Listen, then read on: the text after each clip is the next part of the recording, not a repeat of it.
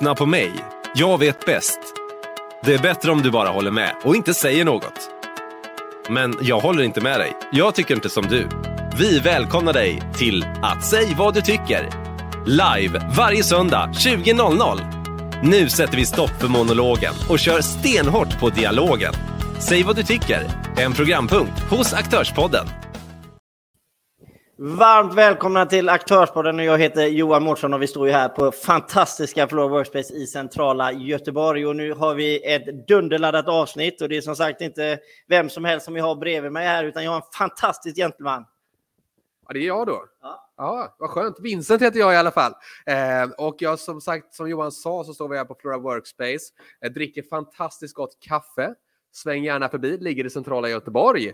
Eh, idag har vi ett fantastiskt roligt avsnitt av Säg vad du tycker.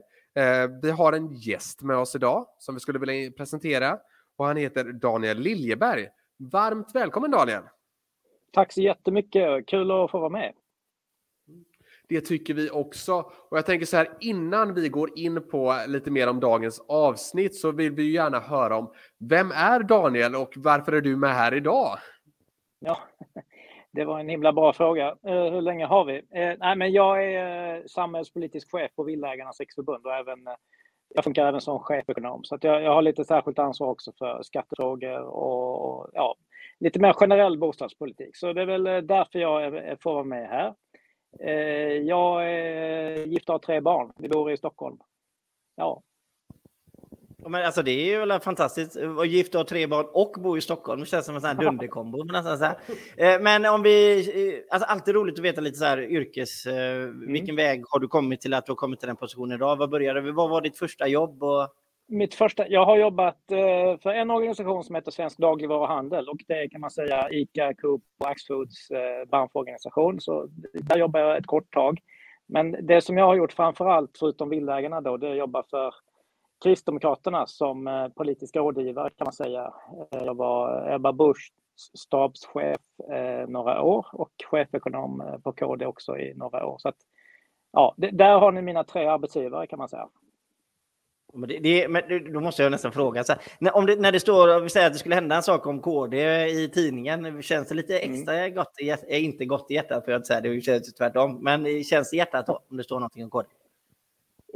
Så här, Villaägarnas riksförbund är helt politiskt oberoende och allt det här. Eh, men det är klart att jag gillar ju det partiet personligen eh, och jag känner de som är där. Så att eh, om de går upp i opinionen så jag personligen blir ju glad. Ja. Och vi får ändå säga det när vi pratar om biases. Så jag och Johan, vi är ju eh, båda engagerade i Moderaterna också, så har vi alla biases, biases utredda också. Så en lokal eh, lokalpolitiskt engagerade för Moderaterna. Men det är inte det som dagens avsnitt ska handla om idag, utan det är ju just eh, kring villaägarna idag. Eh, så jag tänker Johan, vad är det som är det hetaste just kring villor? Vad är det du tänker på när vi pratar villor? Alltså, när vi pratar villor så måste vi prata om drömmen och det är ju just liksom att, att bygga sitt eget hus och, och, att, eh, och bo i ett hus. Eh, men och det kommer man till den här stora frågan eh, som jag vill fråga eh, Daniel. Alltså varför byggs det så lite småhus? Ja, det, det där är en eh, jättebra fråga. Eh, brukar folk säga när de vill ha betänketid, men det där har vi tänkt mycket på eh, och eh, det finns flera orsaker, men eh, en, den enda ändliga resursen på jorden, det är faktiskt mark. Eh, och vi har ont om byggbar mark i Sverige. Eh, och haft det länge. Eh, om man tittar på vad det kostar att bygga småhus 1998, så långt bak statistiken sträcker sig, då kostade det 12 000 per kvadrat. Idag kostar det 36 000 per kvadrat och det är liksom hela kostnaden. Eh, och det är mycket snabbare än inflationen, då, den här kostnadsökningen. I det så eh, har marken gått från att kosta 1800 spänn per kvadrat till att kosta ungefär 9000 kronor per kvadrat. Så att där någonstans så hör ni vad det är för storheter som, som det här handlar om. Det har blivit mycket dyrare. Eh, och det är marken skulle jag säga som är det stora problemet, för efterfrågan är superstark. Och marken, om jag får ett långt svar här, jag ber om ursäkt, men, men eh, marken den styrs då av kommunerna, så att de har liksom ett planmonopol här eh, som eh, de hanterar med eh, varierad framgång kan man säga. Och jag har ju kollat lite, jag är ju själv i den åldern när man börjar ha lägenhet och kanske kolla lite extra på hus och så vidare. Vi har ju kollat rätt mycket kring kommuner runt oss. Jag bor i Lerum, där är det rätt dyrt med mark, men så kollar man på Eh, Skara, Vara, där börjar det mm. krypa ner rätt bra, eh, rätt lågt i prispengar om vi pratar så, relativa siffror. Eh, mm. Vad ser du för förklaringar till detta? Ja, det kan ju finnas lokaler. Alltså dels eh, kommer man utifrån centrum så blir det ju billigare. Eh, alltså mark runt, alltså, tar Eh, Eh, Manhattan i New York, det, mark är väldigt dyrt där. Och det, det, jag tror inte ens jag behöver förklara för er eller för er lyssnare varför det är på det sättet. Och längre från Göteborg, längre från Stockholm så blir det ju dyrare. Men eh, det kan ju också vara så att kommuner är duktiga på att planera för eh, småhustomter. Eh, och då kan man ju pressa ner priserna lite grann om man är duktig på det. Men, men du, ja, du nämnde det här med kommun, kommunal påverkan, då, alltså politisk eh, påverkan. Då. Vad är det man tycker att kommunerna bör göra bättre då för att eh, stipulera för att det ska byggas mer? Så här, jag tycker att kommunerna har haft en, eh, väldigt många kommuner, jag är jättesvepande nu, men har eh, liksom en väldigt stark bias, även borgerliga kommuner, eh, för eh, flerbostadshus och så där, förtätning och så. Eh, och vi har absolut inget emot flerbostadshus. Det, det är jättekul och bra med hyresrätter. Men många drömmer ju om, eh, om villa eh, och där tycker jag kommunerna kan vara mycket mer radikala. Liksom bara planera för villamattor, för det är det folk vill ha. Sen om 200 år, ja, men då kommer den villamattan kanske inte vara villamatta utan då blir det kanske mer eh, att det kommer eh, flerbostadshus i, i de centrala delarna av de trädgårdsstäderna. Men det tar ju lång tid. Det var ju så Södermalm var en gång i tiden. Det var ju bondgårdar. Södermalm i Stockholm, förlåt. Eh, som, eh, ja, det blev tätare och tätare. Sist då gick det på höjden. Eh, det krävs ju ofta, eh, man pratar om detaljplaner och planera så här också, så krävs det både detaljplaner, det krävs ofta bygglov. Man pratar ofta om att detaljplaner kanske tar lång tid från kommunerna också. Ser du detta att eh, långdragna processer skulle vara någonting som också är eh, en problematik för eh, villaägare eh, gällande detaljplaner ja. framåt. Ja, eh, delvis kanske, men jag, jag tycker alltså ofta så handlar det då om att man ska in och ändra i befintliga detaljplaner och det tycker vi sällan är särskilt bra. Väldigt många villaägare oroar sig för förändringar i, i detaljplaner som då leder till en, en oönskad förtätning. Utan vi vill hellre säga att man, man går ut och liksom tar ny mark i anspråk för nya fina trädgårdsstäder med mycket småhustomter och även kanske lite blandad bebyggelse. Då. Men, men då vet ju alla från början vad, vad man ger sig in på. Så, att, så det som villaägarna vill då, som jag tolkar det, det är att ni vill att kommunen ska släppa alltså mer eh, lätta tomter och alltså fler tomter för att hålla nere priset så att det byggs mer? Ja, det är väldigt bra sammanfattat. Eh, sen finns det ju andra saker som är lite påverkande också kring flyktkedjor och sådant. Och det är ett försök att styra husmarknaden är ju bland annat fastighetsskatter och andra skatter som är riktade till människor som just äger fastigheter. Eh, där har man ju lite olika regleringar på att man kan skjuta på det och så. Men hur ser man från villaägarna på just eh, dessa skatter som riktas kring husägande, till exempel en fastighetsskatt? Eh, ja, vi, är, vi är emot allihopa. Vi är negativa till var och en av dem och vi kan ta dem eh, skatt för skatt om ni vill. Men det är klart att vår organisation, eh, jag ska inte säga att den har grundats för att män har ju så att säga, kunnat leva och, och fungera så väl på grund av fastighetsskatten framför allt. Den har varit liksom eh, vår stora nemesis.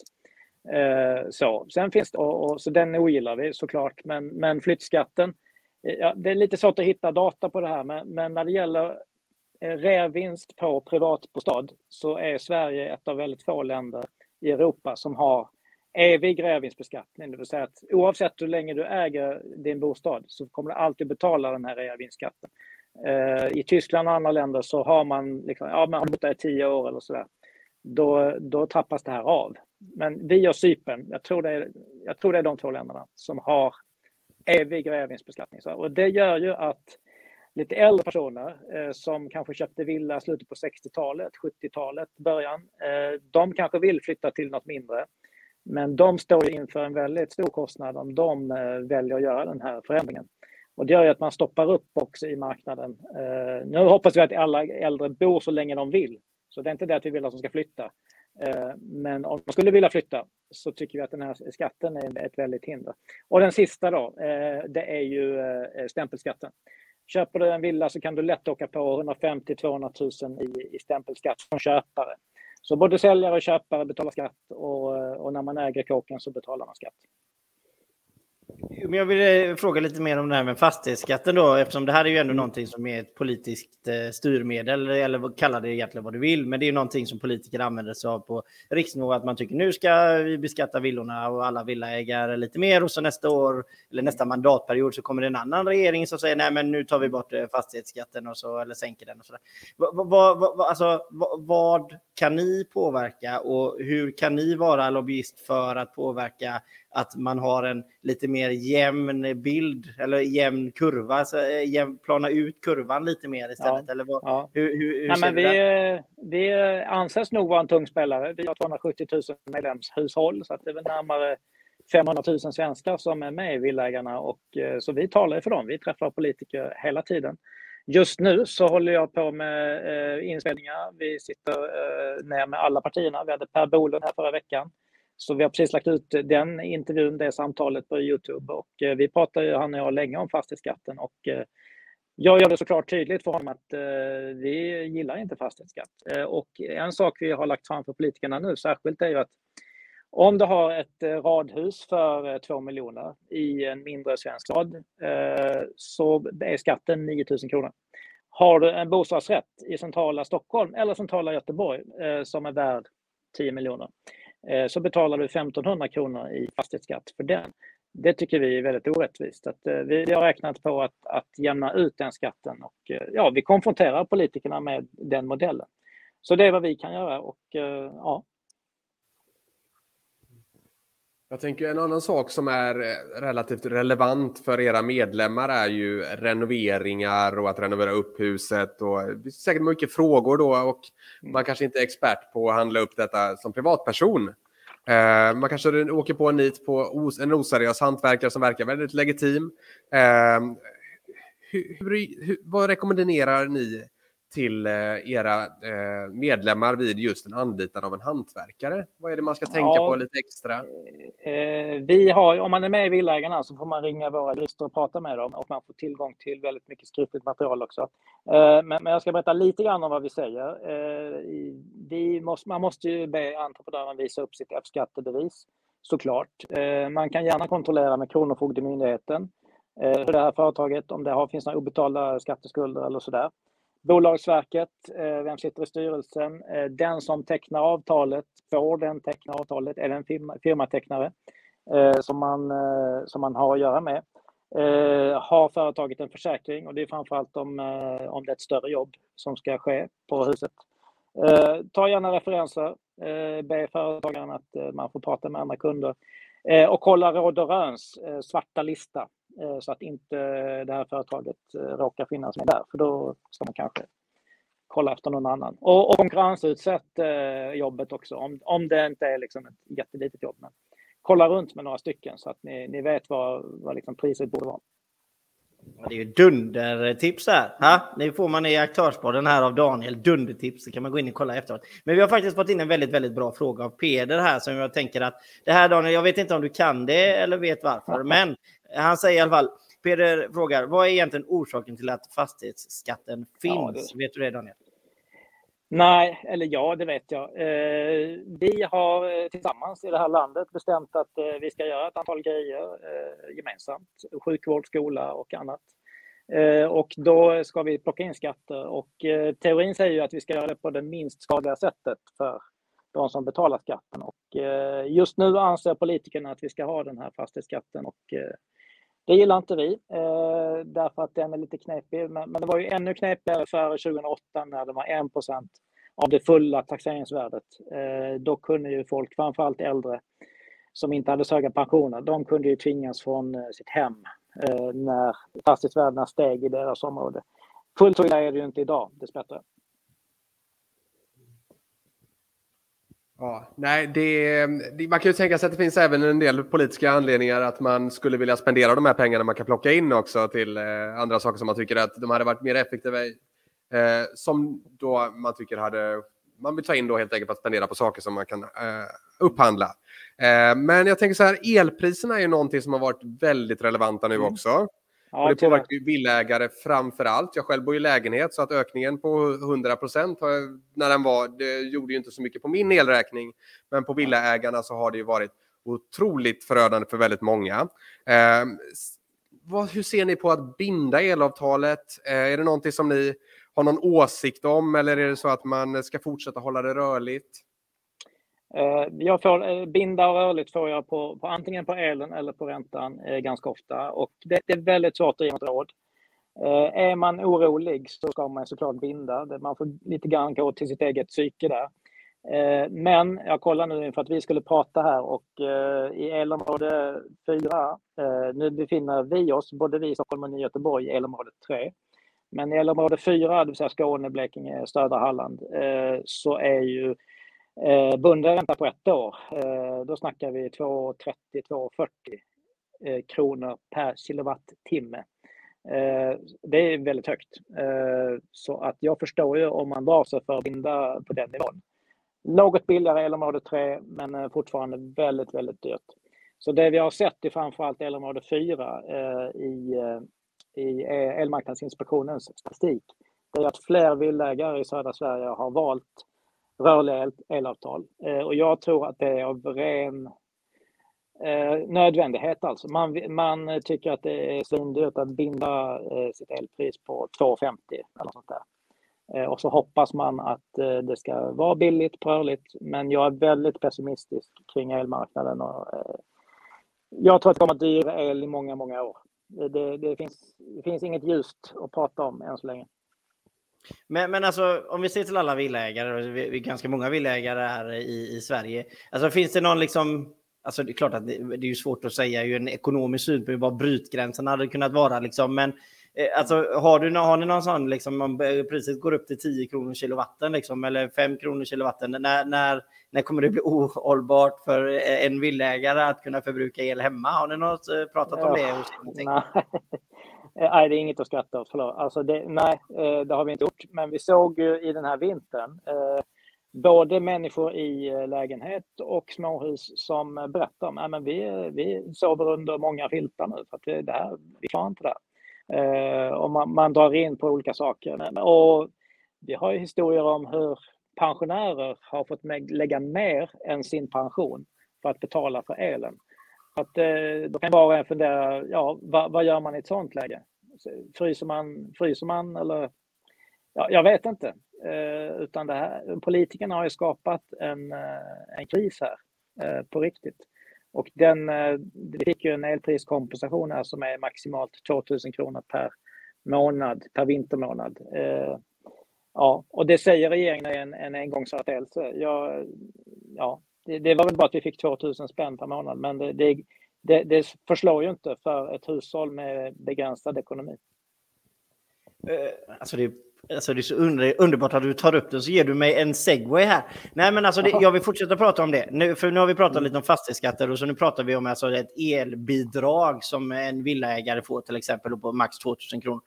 Är det någonting som, som villägarna tycker är bra överhuvudtaget? Att här just nu så är det lite tufft så ni får ni en peng här. Alltså, vad gör det för villägarna? Vad, skapar det någon stabilitet eller vad tycker ni om det? Nej, alltså, alltså så här, det, det, jag tror det var 7 miljarder kronor som staten skickat till bland annat våra medlemmar. Så det, det, kan man inte liksom vara väldigt arg på. Eh, men vi var ju ute redan i oktober och sa att energiskatten på el borde tas bort. Eh, och det är 45 öre per kilowattimme. Och eh, om jag får skryta lite så eh, det tyckte ingen då. Eh, inget politiskt parti. Men innan decembers början så hade M, KD, SD och L gått på den linjen. Så vi, vi, då blev vi lite, då hejade vi ju på ett block att de skulle få igenom det. Men, men då försvann regeringen lite grann och kom tillbaka början på januari med, det här, med den här elpriskompensationen som, ja, det är precis som du säger, alltså att vi ska få bidrag för att betala skatt, eh, det, det är inget bra. Nej, och där kan vi ju spinna vidare även på hur bränslepriserna har påverkat senare också, de här typerna av de diskussionerna som har varit också, att man skulle få eh, bidrag för eh, kompensation av bilar och så vidare. Men jag tänker så här, det finns, vi fortsätter lite på eltemat och istället så går vi in på olika energislag.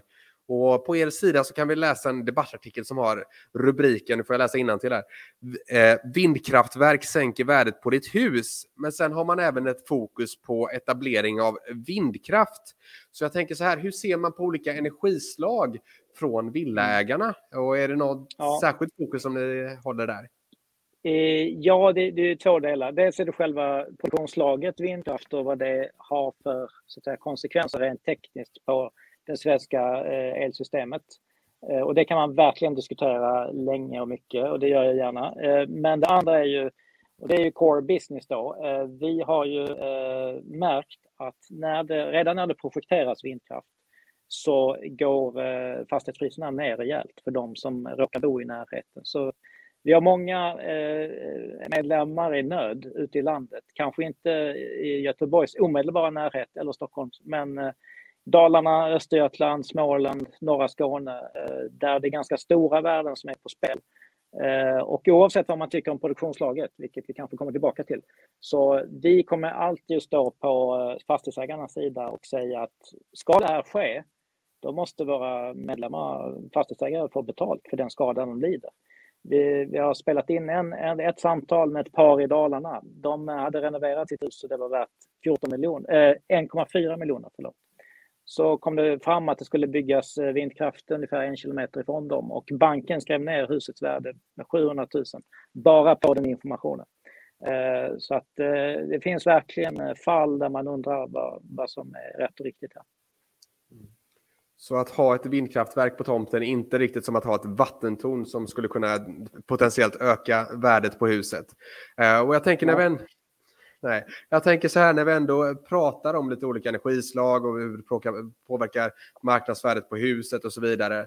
Så tänker jag, det finns ju annat, solteknologi är väldigt populärt idag, eh, solceller eh, och få göra egen produktion av el. Är det någonting som eh, har ni någon erfarenhet eller hur går diskussionerna kring eh, solenergi och koppla in solceller hos villaägarna? Eh, ja, det är många som vill det eh, och vi har, eh, vi har även byggtekniker så är man med i Villaägarna så kan man ringa våra byggtekniker och få råd och hjälp. Eh, vill jag göra, får jag göra lite reklam till där. Men när det gäller solcellsinstallationer så det är, hänger på gärdsgården om, eh, om det går ihop sig.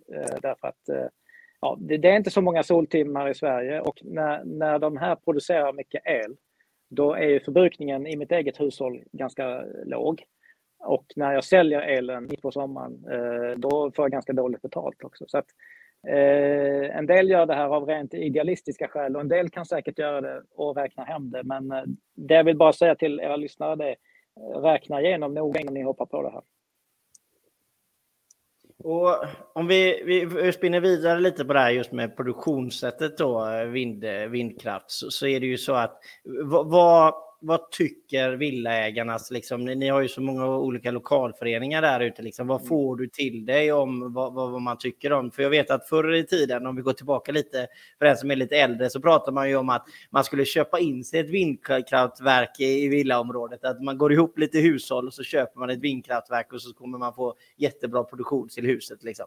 Hur, hur går, är tankarna som du säger att man, man är orolig om det skulle bygga vindkraft? Eller är det så att får du höra dig till att det är positivt att man vill ha mer vildkatt? Vad får du till dig av ja, lokalt? Det är väl lite polariserat där. Eh, de som eh, håller på att drabbas av det här, att få det i sin ja, lokalt eh, och att det kan drabba husvärdet. Men det, det, är inte husvärdet egentligen som man är orolig för, utan det är ju den miljö som man lever i. Man vet att det swishar och det blinkar och sådär. Det är det man vill slippa de, de människorna och de medlemmarna, de eh, tycker inte om vindkraft. Medan det kan finnas kanske folk som är mer, eh, det här kanske är lite fördom, men folk som kanske bor i större städer där det här inte är ett hot. Om, om man tycker att det här är ju bra för klimatet och annat, så att eh, då borde vi satsa på det här som nation. Så att det, det är väl lite, lite polariserad fråga det där kanske. Och jag tänker så här att vi har fått in en fråga kring vindkraft här också, så jag tänker att vi ställer den och så får vi se om vi kan få, eh, det är alltid svårt med siffror, men eh, mm. vindkraft är tydligen bra, det ska byggas rejält många snurror, men ingen politiker säger vad kalaset ska kosta. Och då är så här, mm. Eh, om du har någon siffra på hur många miljoner rör det om som eller vad kostar det att bygga ett vindkraftverk eller någonting? Jag tänker vi kan försöka hitta något mellanläge där. Ja, eh, jag vågar inte säga vad det kostar att bygga, men, men det är ju om man, om man liksom får ja på alla tillstånd och så där så är det en ganska billig eh, produktion eh, när den väl är på plats. Eh, antalet är enligt eh, statens plan 4200 ytterligare turbiner eh, och de här nya är ju inte de små som var förr utan det snackar vi 6 megawatt. Eh, de kanske är 250 meter höga så den, den eh, ja. Men, men, samtidigt som det är det, kanske det billigaste sättet att nu producera el eh, så är det så att vi måste bygga ett mycket större elnät. Och elnätet kostar ju lika mycket som själva produktionen. Så att, att bygga eh, elnät ända fram till de här enskilda turbinerna och hela parker, det är väldigt dyrt. Det är det, det är det ena jag vill säga. Och det andra är ju att de skapar ju, alltså eftersom, de in, eftersom det är intermittent produktion eh, och det är ju att eh, väderberoende helt enkelt. Det gör ju att när vi inte har den här elen från vindkraften, då måste vi ha någon annan el. Och då undrar man, alltså var kommer den ifrån? Eh, samtidigt så gör ju vindkraften att det kan vara svårt för någon annan att investera i elproduktion. Därför när vindkraften väl snurrar, då får man väldigt dåligt betalt för elen. Så att det, det, skapar sådana fluktuationer så att investerarna vet kanske inte riktigt hur de ska agera och tänka här. Jag hoppas jag gör mig förstådd här, men, men eh, ja, långt svar på en fråga. Kanon, bra svar. Och eh, med det så sätter vi ett sånt punkt för vindkraften här nu. Nu, har vi, nu, nu kan alla våra lyssnare vindkraft. Eh, men vi ska gå vidare till något annat som är också alltså trygghet. Alltså bor man i en villa så är man ju väldigt rädd för inbrott. Man är ju, jag menar, läser man tidningarna idag eh, och, och, i vissa områden och man läser om ligor som kommer och allting sånt här, va? Så, så kan man vara väldigt rädd för det och man får ha förståelse för det. Eh, men vad, vad, tycker ni att man ska göra för liksom, om, om man har ett hus och eh, hur ska man motverka det? Jag tänker vi på vad politikerna borde göra eller vad man som, som husägare ska göra. Ja, vi jobbar med, med, ja, vi jobbar med både och faktiskt. Vi, vi, tycker att vi måste höja straffen för eh, det vi kallar för villarån eller bostadsrån. Eh, nu är det ju lika högt straff för så kallat inbrottsstöld. Det, det är det nya ordet för eh, inbrott sedan i mars 2021. Och minimistraffet för inbrottsstöld är ett år. Minimistraffet för rån är ett år. Så vi tycker att man åtminstone måste höja minimistraffet för de här bostadsrånen till två år. Och Brå måste faktiskt börja räkna bostadsrånen. Alltså vi vet inte idag i Sverige, staten, polisen, vet inte hur många bostadsrån vi har. Men vi misstänker att de är ganska många eh, och vi tycker att de är väldigt brutala i sitt tillvägagångssätt. Eh, en, en annan sak som jag hoppas vi kan komma in på och det är ju eh, söktjänstföretagen som ju har en helt unik position i Sverige som vi tror eh, hjälper kriminella. De hjälper inte aktivt kriminella, men kriminella använder sig av nätverksföretagens, eh, eh, söktjänstföretagens data för att planera sina, sina brott. Kan inte du berätta lite mer om det? Eh, hur ser man på detta jo. med searchföretagen och hur, hur går det till eller hur har ni fått till det att gå till? Och Eh, vad ja, kan man här, göra för att eh, avvärja detta? Man får berätta en bakgrund här eh, som brukar få folk att haja till. Eh, jag har ju några medarbetare här på Villaägarna. När eh, löneavdelningen vill berätta för mig hur många semesterdagar som mina medarbetare har så skickar de kanske det ett mejl och så får det en lista där med vad, hur många semesterdagar personerna har. Sen står det i slutet på mejlet att jag måste radera mejlet av GDPR själv. Jag får alltså inte ha Eh, i min dator ett mejl med en lista på mina medarbetare och deras semesterdagar. Okej. Okay. Samtidigt så eh, är det så att om man är eh, en huvudperson, huvudman på ett söktjänstföretag så kan man söka om att bli ansvarig utgivare.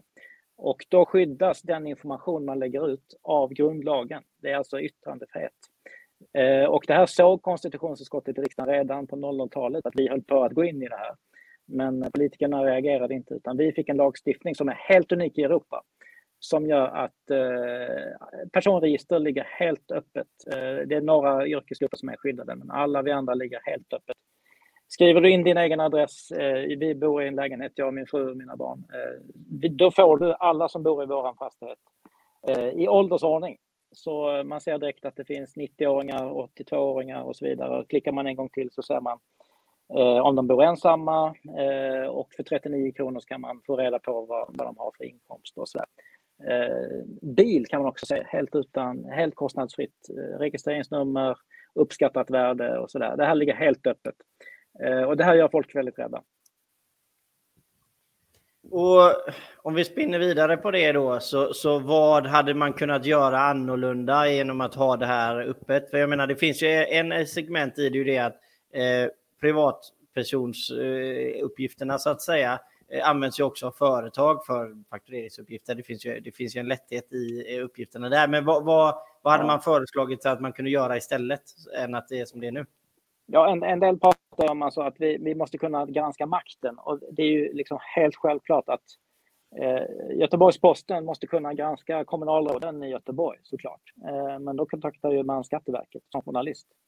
Eh, nu serverar ju de här söktjänstföretagen hela befolkningen eh, och liksom du kan bara klicka på några, i några rutor så får du reda på, ja, du kan du liksom eh, eh ensamboende, äldre, inkomst och allting. Så att eh, vi tycker att det här måste stramas åt. Eh, och några saker man borde få göra är att säga till de här företagen. Jag vill faktiskt inte vara i ert register. Var vänlig, ta bort mig. Eh, och det andra är att om någon vill veta min lön eh, och betala 39 kronor för det till ett sånt här söktjänstföretag, då borde jag åtminstone få en notifiering om det. Eh, ett mejl eller ett sms eller någonting eh, att nu har Johan och Vintern har, har köpt liksom min lön för 39 spänn. Och då kan jag få reda på det. det. Det skulle göra kriminella kanske inte på samma sätt eh, ta reda på det här.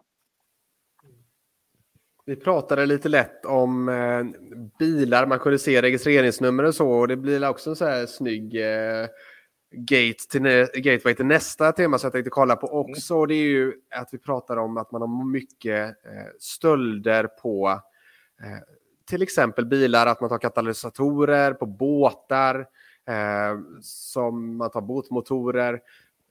Vad ger ni för tips till era medlemmar kring hur man bör skydda sina saker som är utanför huset så att säga? Finns det några sådana ja, tips? Det, var, det gör det säkert. Jag, jag har inte dem framför mig just nu, men, men det är väl bra att ha en bra försäkring. Eh, och ha koll på sina grejer. Eh, grannsamverkan är jättebra och där, i, i, på vissa platser så så kan ju Villaägarföreningen funka på det sättet. Men eh, ja, det, det, är väl, det är väl det enda jag har. Eh, sen vill vi att tullen ska få eh, stoppa stöldgods som är på väg ut. Nu har jag förstått att riksdagen har beslutat om en sån förändring så att, och den kommer att träda i kraft det är 1 januari 2023 eller något sånt där. Så vi, vi får hoppas att politikerna tar det här på allvar för det är ett gigantiskt problem.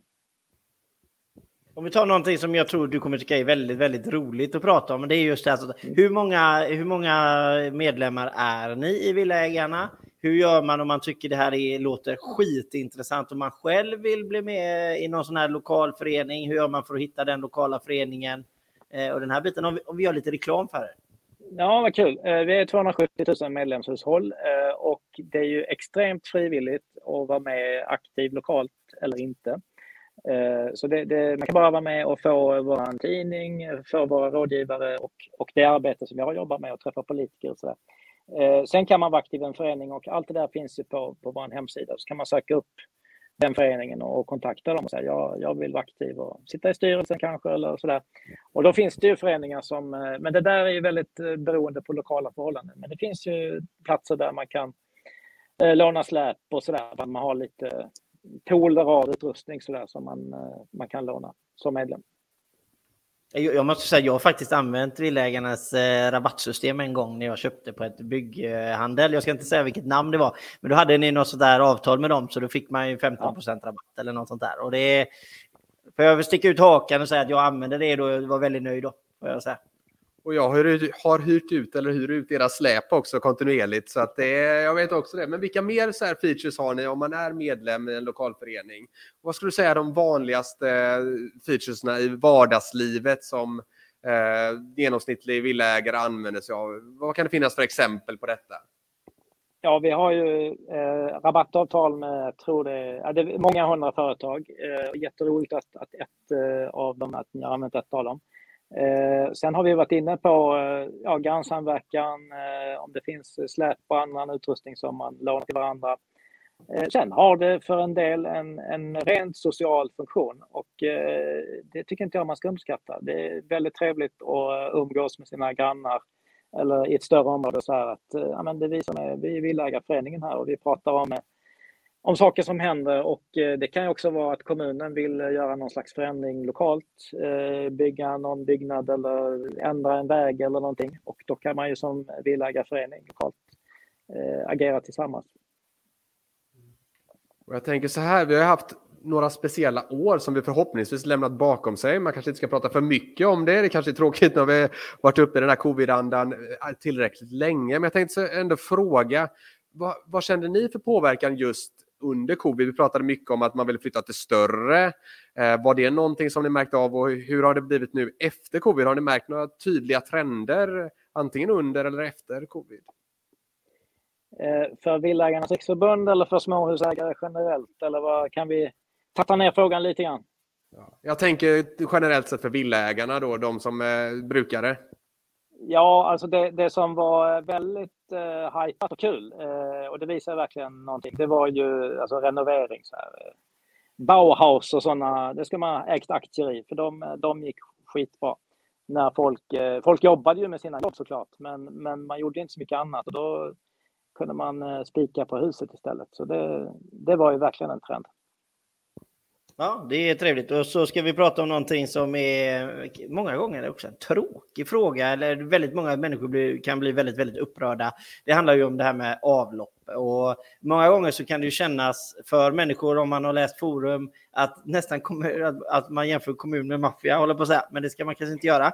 Eh, men ja. att du blir tvingad in, att du måste ansluta dig till kommunalt vatten. Så säger vi att man har lagt ner en tank och gjort eh, jättefin med trekammarbrunn och allting och eget filtrering och allting. Och så plötsligt så kommer det två, tre, fyra år senare att äh, nu måste du ansluta dig, det kostar 250 000. Eh, vad tycker ni om just med vatten och avlopp? Ja, nej, men vi står ju alltid på småhusägarens sida och eh, ofta blir det då att eh, vi har medlemmar. Vi har 700 000 enskilda avlopp i Sverige. Eh, och det är, en del är året runt boende men också en hel del fritidshus. Eh, och vi menar ju, eh, om jag ska väldigt rakt på sak, att eh, en del av det här är faktiskt överdrivet. Alltså hetsen att, eh, att ansluta eh, de här fastigheterna till kommunala avlopp. Eh, av de, det, fosfor är ju liksom den stora boven här. Eh, Sverige har jag förstått släpper ut 5 500 ton fosfor i Östersjön och det, och det är inte bra. Men 300 ton av dem kommer från eh, de här 700 000 eh, enskilda småhusen eller eh, fritidshusen. Så att det är en väldigt liten del. Och det kan ju var och en räkna ut själv har du ett fritidshus i liksom västra Dalarna Eh, då tar sig liksom inte, det tar sig inte ut till, till Östersjön utan eh, det, det sker då en så kallad markretention, det vill säga att marken eh, gör det här rent. Så att det här är ett överskattat problem eh, faktiskt. Och just nu, eh, och det kan jag säga, jag har en medarbetare, eh, han pratar med de politiska partierna flera gånger i veckan om den proposition som ska klubbas i just den här frågan, ska klubbas i juni. Eh, så vi jobbar så hårt vi kan för att det här ska... Och, ja, för att göra en lång historia kort. Eh, vi vill att eh, kommunerna ska kunna undanta fastighetsägare från det här så, så långt det är möjligt. Naturligtvis vill vi inte ha, vi vill inte ha ja, utsläpp i våra kommuner, utan, men inte överdriva detta helt enkelt. Men vad, hur ser ni villaägarna på alltså kostnaden eh, på att ansluta sig? Alltså, nu är det ju olika från kommun till kommun och ja. säkerligen sträcka, hur lång tid eller hur långt man måste dra det. Och ja. alltså alla de här bitarna som spelar in i prisbilden. Men vad tycker ni villaägarna med att det kan skilja så mycket pengar mellan en fastighet på den orten och en fastighet på den orten? Ja, det, det, kan ju vara lokala förhållanden och det, det, där undersöker vi ju på många, i många delar. Det handlar om elnät, avlopp, avfallshantering och sådär. Eh, en anslutning kan kosta, ja, den kan kosta 300 000. Eh, och det är klart, kommunerna ska ju enligt regelboken leva enligt eh, självkostnadsprincipen. Och vi försöker så gott vi kan bevaka det, men, men vi har 290 kommuner så det, det, det, är inte alltid vi kan se det. Eh, utan utan vi, vi jobbar för att, att det så långt som möjligt ska vara ett beslut som fastighetsägaren själv kan få vara med och fatta. Eh, men när jag säger 200 000 då, då förstår man att man har ett, ett fritidshus någonstans som kanske inte är värt mycket mer än 300 000 eh, och så ska man eh, betala en avloppsanslutning för 200 000. det, det blir väldigt konstigt och det kan knäcka det är också exempel på äldre personer som ringer till oss och de, de fixar inte det här. De får inte lån.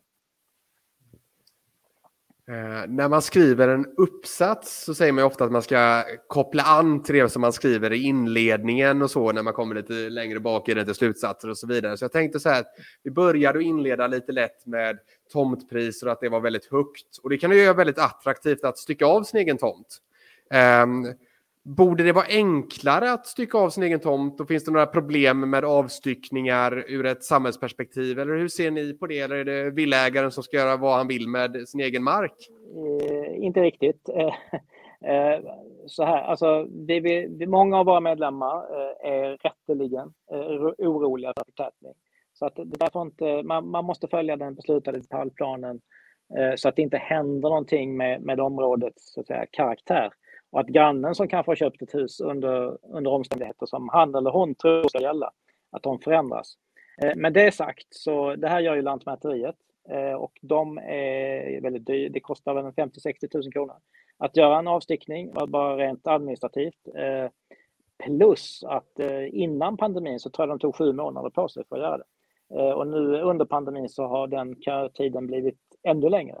Eh, så det där är ju inte en fungerande, ett fungerande myndighetsarbete. Och det här gjorde, alltså, du är fantastisk Daniel, du hjälper mig att komma in på massa härliga ämnen här. Nu pratar vi om Lantmäteriet, då pratar vi om köp av fastighet och så har vi en väldigt, väldigt dyr kostnad på eh, nu när fastighetspriserna har gått upp så väldigt mycket i olika delar av Sverige. Eh, helst nära storstäderna så kan du bara kolla på villapriserna har ju gått upp ganska mycket. Eh, vi har låga räntor och jag behöver nog inte förklara anledningen utan det vet nog alla om. Men vi har väldigt, väldigt dyr kostnad. När priserna går upp så blir ju den här 1,5 procenten ganska mycket när, vi köp, när du köper. Eh, fastigheter. Vad tycker ni om den? Ska, det vara, ska du betala så mycket pengar till Lantmäteriet när du väl köper en fastighet? pratar du om stämpelskatten nu? Det måste du göra. Ja, precis. 1,5 procent. Ja, det är ju... Eh, det, eh, vad säger jag? Eh, det är en del, men sen har du eh, stämp, eh, vad säger jag, pantbrevsavgiften också. Den är 2 procent på nya pantbrev. Så finns det inga pantbrev på kocken du ska köpa så måste du betala 2 procent till på dem. Så att I värsta fall så ligger du på 3,5 procent. Eh, så nej, vi, vi ogillar detta eh, och det är ju en skatt som den drabbar ju köparen. Eh, och det är ju yngre hushåll som kanske då äntligen har liksom budat hem ett, liksom ett drömboende och så kommer 3,5 procent till som lök på laxen. Så att, vi, vi gillar inte de här skatterna, varken när man köper, säljer eller äger. Men alltså hur, hur, ska det kosta liksom, vi säger om vi köper en fastighet för runt 4 miljoner så kanske det kanske kostar 60 000 någonting säger vi. Vi leker med summan med pantbrev och eh, mm. till, till, Ja. Lagfartsavgift alltså, ja. ja, precis. Lagfart. Precis. Ja, jag kom inte riktigt på det själv också. Nej. Det var bra att du hjälpte mig. Med lagfart. Ja, precis. Nej, men alltså ska det kosta liksom 40 000 för någon att rita, om, eller rita lite på en ritning eller sådär? Alltså, alltså, det här är ju, folk blir ju irriterade och jag förstår anledningen också. Men finns det någon liksom relevans att det ska kosta 40 000 att byta ett namn i pappret? Nej, det är ju, alltså stämpelskatten är fiskal. Eh, och fiskal, eh, ja, det, på, på ren svenska, det, staten behöver pengar till helt andra saker och då har man fiskala skatter. Sen, sen kanske någon får för sig att det kostar så mycket, men, men det finns ju en avgift på, jag tror den är 875 kronor och den, den kan jag tycka är rimlig. Eh, men, men de här procentuella skatterna, de är, de är fel. Och då kommer vi in på också så här rätt och fel och vad man driver i valet och sådant. Och då blir ju en fråga, vilket, du har varit inne på många olika saker som man vill driva från, eller som man driver från fastighetsvillaägarna. Eh, eh, och då, eh, vad är den viktigaste frågan i och inför valet nu 2022? Och vad hade ni velat att politikerna skulle prata mer om som de inte gör idag? Eh, ja, den viktigaste frågan eh, är för villaägarna fastighetsskatten. Vi är oroliga för de besked som ges. Eh, och nu har vi ju sagt i Sverige att vi ska gå upp till eh, 2 av BNP när det gäller det militära försvaret. Det tycker jag och det tycker nog alla jag jobbar med på Villaägarna är helt rätt. Vi behöver ett starkare militärt försvar. Det har, alldeles, det har varit alldeles för svagt. Men då kommer det ledarskribenter och ja, olika politiker i olika partier som säger att då får vi eh, höja fastighetsskatten igen eller återinföra den som man kallar det. Den, den har inte avskaffats helt men så vi är oroliga för vad som kan hända under nästa mandatperiod. Eh, så det, det är egentligen vår viktigaste fråga. Så, sen tycker jag att det talas alldeles för lite om eh, hur vi ska kunna eh, få till fler småhus i Sverige. Jag tror att det vore helt fantastiskt för oss som land om fler människor fick den möjligheten att äga sin egen bostad, ha sin egen trädgård och, och leva det livet. Jag tror att många människor skulle må ännu lite bättre om de, om de fick möjligheten att göra det och att det inte var galet dyrt för alla att, eh, att komma dit.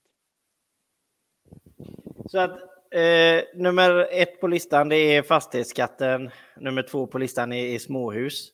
Eh, men då, då kommer ju den tredje från våran sida då. Det handlar ju om alltså, hur gör ni på villaägarna för att kunna påverka polit, politikerna? Liksom? Gör ni tillräckligt? Har ni tillräckligt bra kanaler in? Lyssnar tillräckligt många på er? Eh, det tror jag. Eh, som jag sa i början här, så vi har bjudit in eh, den här studion som jag sitter i nu. Eh, alla åtta partierna, eh, fem av dem har kommit hit, tre kommer att komma hit. Vi har Per Bolund här, Miljöpartiets språkrör och i övrigt så handlar det om de eh, ekonomisk-politiska talespersonerna som jag frågar ut i ungefär 40 minuter, ungefär som ni frågar ut mig. Eh, om alla de här frågorna. Så att, eh, de kommer hit för de vet att vi är en stark organisation. Eh, så vi gör vad vi kan eh, på det sättet och visar politikerna vad vi tycker och, och visar medlemmarna vad politikerna tycker. Så de, sen kan de rösta då utifrån vad de svarar oss. Och sen eh, jobbar vi med annan opinionsbildning såklart via sociala medier och försöker synas i media och sådär så gott vi kan. Men det är, det är tuff konkurrens såklart.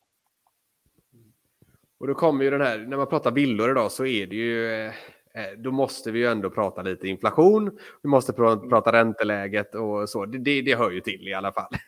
Ja, Hur, hur ser man nu på framtiden? Den är ju väldigt osäker. Vi hade ju 6,4 tror jag senaste inflationssiffrorna var. Ja. Eh, räntan, eh, man vill ju använda ränteverktyget för att trycka ner inflationen. Eh, hur ser man på dels då villapriser eh, och då för villaägarna som redan äger idag, hur ser man på att kunna klara de kostnader som dyker upp med ökade ränteutgifter? Eh, och sen har jag en följdfråga på det också, men den tar jag ja, senare. Jag tror att det, det var tre, fyra frågor i den frågan. Så vi får ta dem del för del här. Eh, inflationen är, är, väldigt obehaglig eh, och jag tror att den kommer att vara kvar ett tag. Eh, centralbankerna, och då menar jag alla världens centralbanker, har ju haft en expansiv penningpolitik i 12-13 år. Det vill säga att vi har väldigt låg ränta, vi trycker pengar och de pengarna köper vi upp till exempel bostadsobligationer för, vilket hela tiden pressar ner priset på pengar. Eh, och eh, traditionella ekonomer menar att förr eller senare leder det till inflation. Och det kan vara det vi står inför nu. Sen har vi eh, liksom den andra liksom observationen som eh, jag vill göra och säkert många andra. Och det är ju, alltså inflation brukar vi traditionellt mena inträffar när hushållen uppfattar att de har väldigt mycket pengar.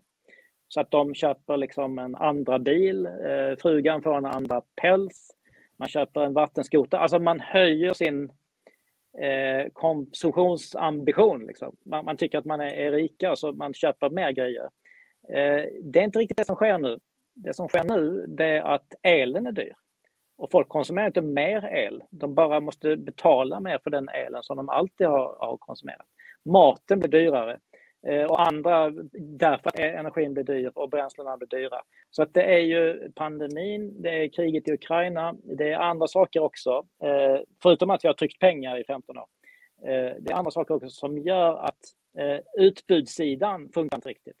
Så att hushållen möter dyrare priser eh, därför att vi har problem i, produktionsledet. Jag hoppas att ni förstår vad jag säger här. Men, och då vet inte jag om det liksom lösningen på det här problemet är att Riksbanken och amerikanska centralbanken och alla andra centralbanker höjer räntan. Det kommer bara göra att hushållen hamnar i ett ännu tuffare läge. Då, nu är inte bara elen dyr, nu kommer bolånen att bli dyra också och maten och kläderna. Eh, så ja, vi, vi kan ha en tuff tid framför oss. Och då kombinerat det där med att vi haft en expansiv penningpolitik och vi ser då att inflationen går upp och kan Sverige som en liten öppen ekonomi, om vi säger att europeiska centralbankerna, amerikanska centralbankerna höjer sin ränta, kan vi behålla våran lägre ränta i ett sådant scenario? Eh, eller? Skulle det kunna Nej, jag vet inte. Det är väldigt dumt att lajva nationalekonomi. Alltså, eh, det som då händer det är ju att den svenska kronan försvagas. Det vill säga att kapital rör sig till där räntan är högre. Det såg vi ju när Riksbanken höjde räntan nu, så stärktes ju kronan lite kort, snabbt sådär. Eh, men om den svenska kronan försvagas därför att andra har högre räntor, då stärks ju den svenska exportindustrin också. Så det, det, det är många bollar att hålla i luften när man, eh, när man tänker sig ett sådant scenario. Jag tror att Riksbanken kommer att följa sin instruktion. Och eh, det är ju ett prisstabilitetsmål som den, den har att följa. Och eh, jag tror inte alltså så länge inflationen är hög i Sverige så kommer Riksbanken att ha en räntebana som är stigande. Och jag tror inte de kommer att ha låg ränta bara för att testa vad som händer. Nej, men precis, du pratar ju om att alltså, det blir dyrare att äga villa och det gör ju det mindre attraktivt att äga villa om, man, om vi ska gå lite längre fram i framtiden. Vi säger att räntan går upp och det blir väldigt dyrt. Alltså det blir dyrt att mm. köpa drivmedlet, att bo lite längre ifrån stadskärnan eller ditt jobb. Eh, det blir dyrare att köpa mat. Det betyder att villaägare kommer bli väldigt, väldigt hårt ansatta. Helst till exempel om man pratar en fastighetsskatt, man höjer utgifterna ännu mer än vad inflation och ränteökningar och det redan gör. Men vad, vad, känner ni då, liksom, om vi spinner vidare på det, att vi går in fem år fram i tiden och, och, och det har blivit en, en väldigt ekonomiskt svår sits att äga eh, villa. Vad, vad ja. tycker ni då från villaägarnas sida? Vad, vad ska man göra? Vad, vad, kan man göra för att förbättra läget för villaägarna helt enkelt? Då? Som, eh, är det politikerna eller villaägarna själva vi pratar om? Eh, det är så du tolkar det kan man säga. Ja, okay. Eh, ja, alltså som villaägare ska man försöka se till att man har ett, eh, att man gör så att säga motiverade investeringar i sin villa som, som minskar eh, kostnaden för, för förvaltningen. Så det, det är vad man som villaägare kan göra. Eh, politikerna eh, måste ju se till hushållens situation först och främst. Om vi går tillbaka till elen, jag ska inte gå tillbaka till det riktigt, men, men lite grann. Eh, om elen kostar 50 öre, vilket den kanske gjorde för ett år sedan, eh, då får ju staten in 10 öre i moms, alltså 25 procent. Det blir eh, 12,5 öre, förlåt. Eh, men om elen kostar 2 kronor, ja, då får ju staten in 40 öre i moms. Så att staten har ju tjänat pengar som gräs under den här vintern när, eh, när, när man får in gratis momsintäkter kan man säga. Eh, och här måste politikerna vara mycket snabbare och inte komma med den här elpriskompensationen utan att på riktigt eh, sänka skatten för hushåll. Eh, och så långt möjligt, nu blir jag mer generell nationalekonom, men eh, främja ekonomisk eh, aktivitet och, och riktiga jobb. För det, när det blåser så är det bara det som, eh, som gör att vi klarar oss. Men det är härligt att få diskutera lite nationalekonomi igen. Jag har ju bytt lite till eh, hälsoekonomi i mina studier, ja. men nu har jag en bachelor där i alla fall. Så det är skönt att få påminna sina kunskaper där igen. Och då kommer en sån här klassisk fråga också, som när vi mm. pratar räntor och så. Ränteavdraget, det hade man ju tidigare ja. varit ett större ränteavdrag. Kritiker har ju menat att vi borde ha tagit bort ränteavdraget under tiden som vi hade haft, eh, som hade haft en hög eh, tillväxt och sådant. Men vad, vad, ser vi, vad ser villägarna på ränteavdraget? Är det bra som det är idag eller är det någonting som man bör utöka eller bör man ta bort ja, det? Vi, vi förespråkar ingen utökning, men eh, politikerna får inte sänka ränteavdraget. Eh, och det är en fråga jag ställt till alla politiker som har kommit hit och eh, nu uppfattar jag att både SD och KD tycker som M och L att eh, ränteavdragen ska vi inte röra eh, när räntan är på väg upp. Så att vi har fått väldigt bra besked från många partier. Eh, skulle man gjort någonting, säger de partierna, då skulle man gjort den när räntan var väldigt låg och, in, och det liksom inte hade blivit så stora konsekvenser för hushållen. Eh, så nu, nu måste de låta bli ränteavdragen. Skulle man i någon annan ekonomisk miljö välja att göra någonting av ränteavdragen, då kommer vi naturligtvis att kräva att eh, vi får kompensationer i andra delar av boendebeskattningen. Vi har talat om stämpelskatten, vi har pratat om fastighetsskatten, vi har pratat om reavinstskatten. Eh, att då, då, måste det bli kompensationer i de delarna om man skulle göra något med ränteavdragen. Man ska komma ihåg att när man köper ett hus, det här är ju självklart för alla, men jag säger det ändå, när man köper ett hus så är det budgivare som står mot varandra. Eh, och alla har ju liksom en, en kalkyl och i den kalkylen så gör man ränteavdrag.